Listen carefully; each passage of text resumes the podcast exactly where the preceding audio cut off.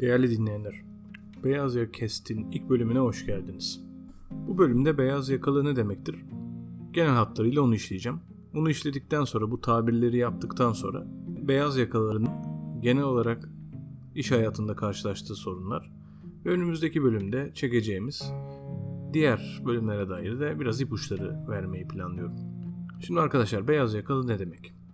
Kendi kurmadığı, başkaları tarafından kurulmuş, sermayedarının kendisinin olmadığı firmalarda çalışan profesyonel çalışanlardır. Bunun adına memur da diyebilirsin, profesyonel yönetici de diyebilirsin. Birçok kademeden kişi beyaz yaka olarak adlandırılır. Ön muhasebe elemanı diyebileceğin kişi de beyaz yakalıdır.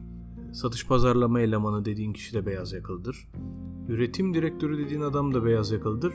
CEO da bir beyaz yakalıdır. Dolayısıyla çok geniş perspektifte birçok title'ı içeren farklı farklı görevlerdeki kişilere beyaz yakalı denir. Ama bunların bu farklı title'ların buluştuğu ortak payda hepsi bir firmada çalışandır, bordroludur. Ay sonunda maaşını alırlar. O firmanın sahibi veya sermayedarı değildir. Beyaz yakalıyı mavi yakalıdan ayıran beyaz yakalı masa başı işi yapar ağırlıkla ve bilgi ve hizmet satar.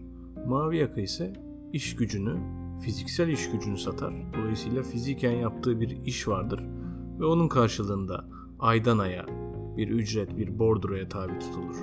Dolayısıyla beyaz yaka ile mavi yaka arasındaki fark da ana tabiriyle budur. Türkiye'de bakıldığında yaklaşık 26 milyon tane beyaz yakalı var. Çok büyük bir iş gücünden bahsediyoruz. 26 milyon beyaz yakalı. Bunun 18 milyonu erkek, 8 milyonu da kadın çalışanlardan oluşuyor. Ve bu 26 milyon kişi yüz binlerle ifade edilebilecek sayıda şirkette çalışıyor. Bu şirketler birçok farklı sektörden aklınıza gelebilecek şirketlerden oluşuyor. Dolayısıyla belki de hani genel güruh olarak beyaz yakalı Türkiye'deki iş gücünün çok büyük bir oranına çok büyük bir payına tekabül ediyor. Beyaz yakalı olmak dolayısıyla her öğrencinin, talebenin hayali. Okuldayken hepimiz ya şu okul bir bitse de bir an evvel bir yerde bir işe başlasak. Bu hayallerle yanıp tutuştuk. Bu hayalleri düşünerek derslerimizi çalıştık. Mezun olduk. Çalışırken bir takım yerlerde staj yaptık. Kafamızda bazı firmalar, bazı sektörler belirledik. Kimimiz bu hayal ettiğimiz, belirlediğimiz sektörlerdeki o düşündüğümüz, arzuladığımız firmalarda işe girebildi. Kimisi de hayatın getirdiği çok daha farklı yerlerde, çok daha bambaşka yerlerde bulundu. Yani mimar olmayı hayal ederken satış elemanı oldu.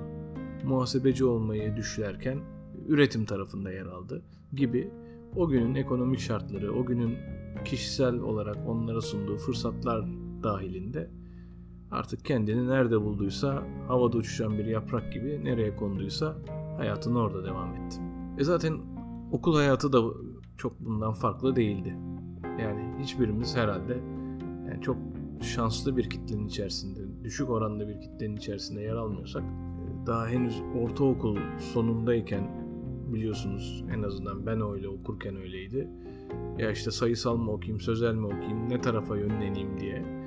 Gerçekten ileride yapabileceği ve keyif alarak çalışacağı işi düşleyerek bir bölüm seçtik ve oradan devam ettik. Üniversiteyi de o bölüme uygun olarak okuduk ve daha sonra da gerçekten keyif aldığımız işte yer aldık.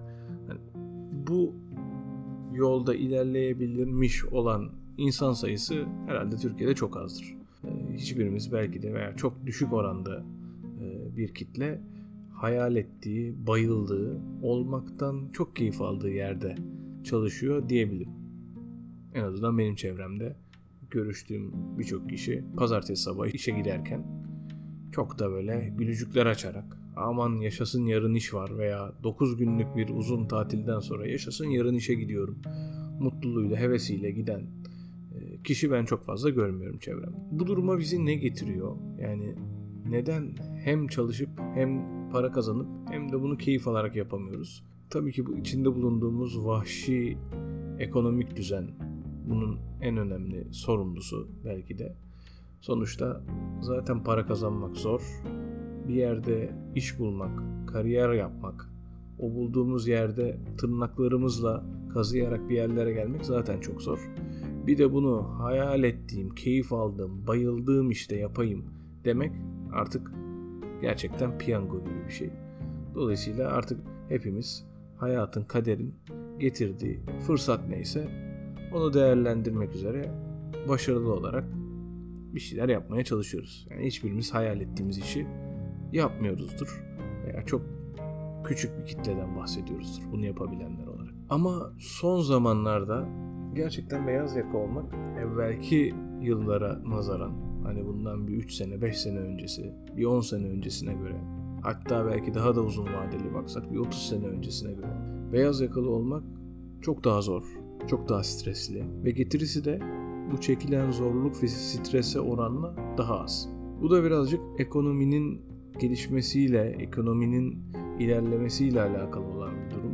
Biliyorsunuz ki enflasyon ve devalüasyon arasında, Türk lirasının devalüasyonu arasında çok ciddi bir makas var. Firmalar sattıkları ürünlere aylık açıklanan enflasyon oranlarının çok daha üstünde rakamlarla zam yapıyor. Bu her sektördeki her firma için geçer. Fakat sene sonlarında veya zam dönemleri geldiğinde çalışanlarına zam yapalım, çalışana ne zam yapalım gibisinden bir araştırma içerisine geldiğinde de tüm sene içinde çok fazla indikatör olarak kullanmadığı resmi enflasyon rakamları neyse o rakamları baz alıyor.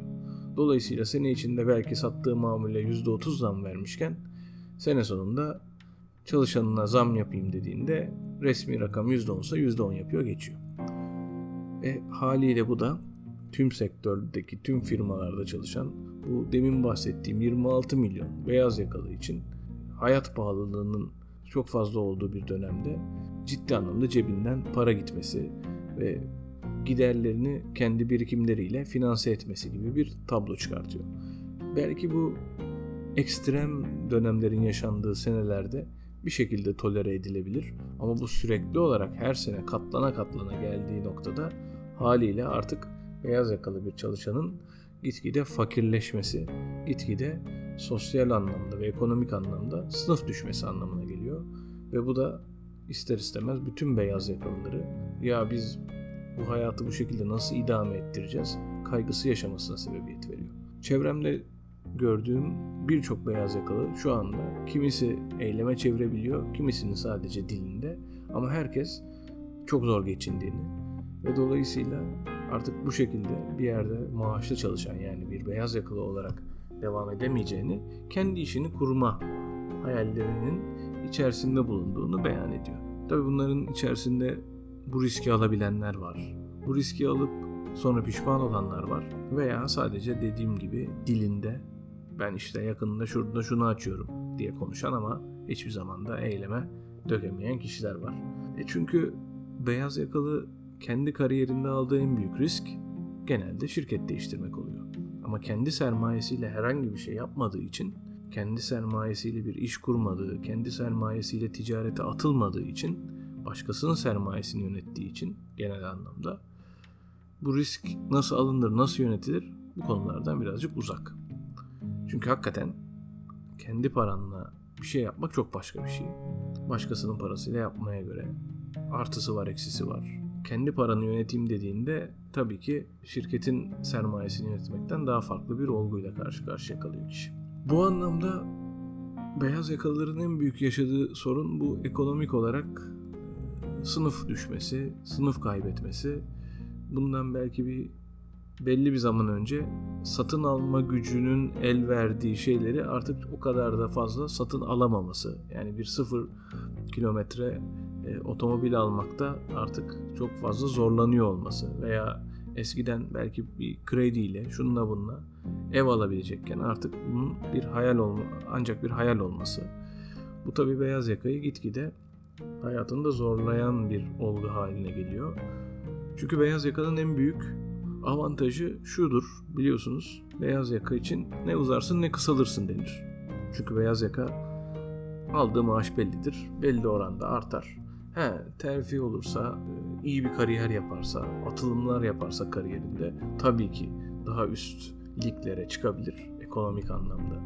Ama normalde eğer öyle bir bir üst lige çıkma gibi bir atılımı yoksa mevcutu korur. Performansı kötü değilse yani herhangi bir şekilde işten çıkmıyorsa veya çalıştığı firma e, bir şekilde kapanma riski yaşamıyorsa mevcudu korur. Aldığı maaş bellidir. Belli konularda eğer hesap yaparsa tasarruf da yapabilir. Harcamalarını dengeli bir şekilde yönetebilirse tasarruf da yapabilir. Dolayısıyla ne uzar ne kısalır ama mevcudu korur. Beyaz yakalının genel olarak şeyi budur. Emekliliğe kadar çalışır. Çocuğu varsa çocuğunu belli yerlerde okutur. Ondan sonra da bir tane evi, bir tane de arabası olur. Aldığı emekli maaşıyla da ondan sonraki hayatını idame ettirebilir. Genelde beyaz yakalının çizdiği çerçeve budur. Ama bugüne geldiğimizde bu maalesef çok fazla idame ettirilemeyen bir noktaya geldi.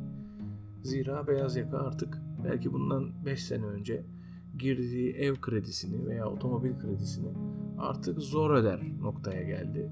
İşte bunun sebebi demin söylemiş olduğum enflasyon devalüasyon arasındaki makasın açılması. Bu birinci sebebi. İkinci sebebi de herkeste şu anda hasıl olan iş kaybetme korkusu. Bunların bir araya geldiği noktada beyaz yaka daha önce yaşadığı iş streslerinin daha da ötesinde bir stres yaşıyor. Bu podcast serilerinde de ağırlıklı bunlara da değineceğiz. Bu stresle nasıl baş edilebilir, ne yapılabilir diye. Ana hatlarıyla beyaz yaka bu. Ben de nacizane yine bir sonraki bölümlerde bir beyaz yakalının kendisini nasıl geliştirebileceğini, hangi alanlarda kendisine kişisel gelişim alanlarında yatırımlar yapabileceğini, ekonomik anlamda nasıl tasarruf sağlayabileceğini, birikimlerini nasıl yönetebileceğini, iş hayatının 5 altın kuralının ne olduğunu, önümüzdeki 20 senenin favori meslek gruplarının neler olabileceğini, bunların ötesinde bir de iş hayatının dışında kendisine nasıl vakit ayırabileceğini, ne gibi hobiler edinmenin e, kişisel gelişiminde ona yardım edebileceğini ve iş dışındaki vaktin işe olumlu anlamda etkisi olacak ne gibi efektif şekilde geçirilebileceğine dair bir takım bilgiler vereceğim. Nacizane kendi bilgi birikim seviyemden. Ee, dolayısıyla haftada bir çekmeyi düşündüğüm bu podcast serimizi de e, severek takip etmenizi öneriyorum. Spotify ve Apple Podcast'te yayında olacağız. Ee, bunun yanı sıra çok yakında Twitter ve Instagram kanalımızı da açmayı düşünüyorum. Böylelikle de hem daha çok kişiye hitap edebilen hem de e, yeni bir bölüm yayınlandığında da bunun bilgisini ve reklamını yapabilen seviyeye gelmek istiyorum. Bu bölümlük bu kadar. Dinlediğiniz için çok teşekkür ediyorum.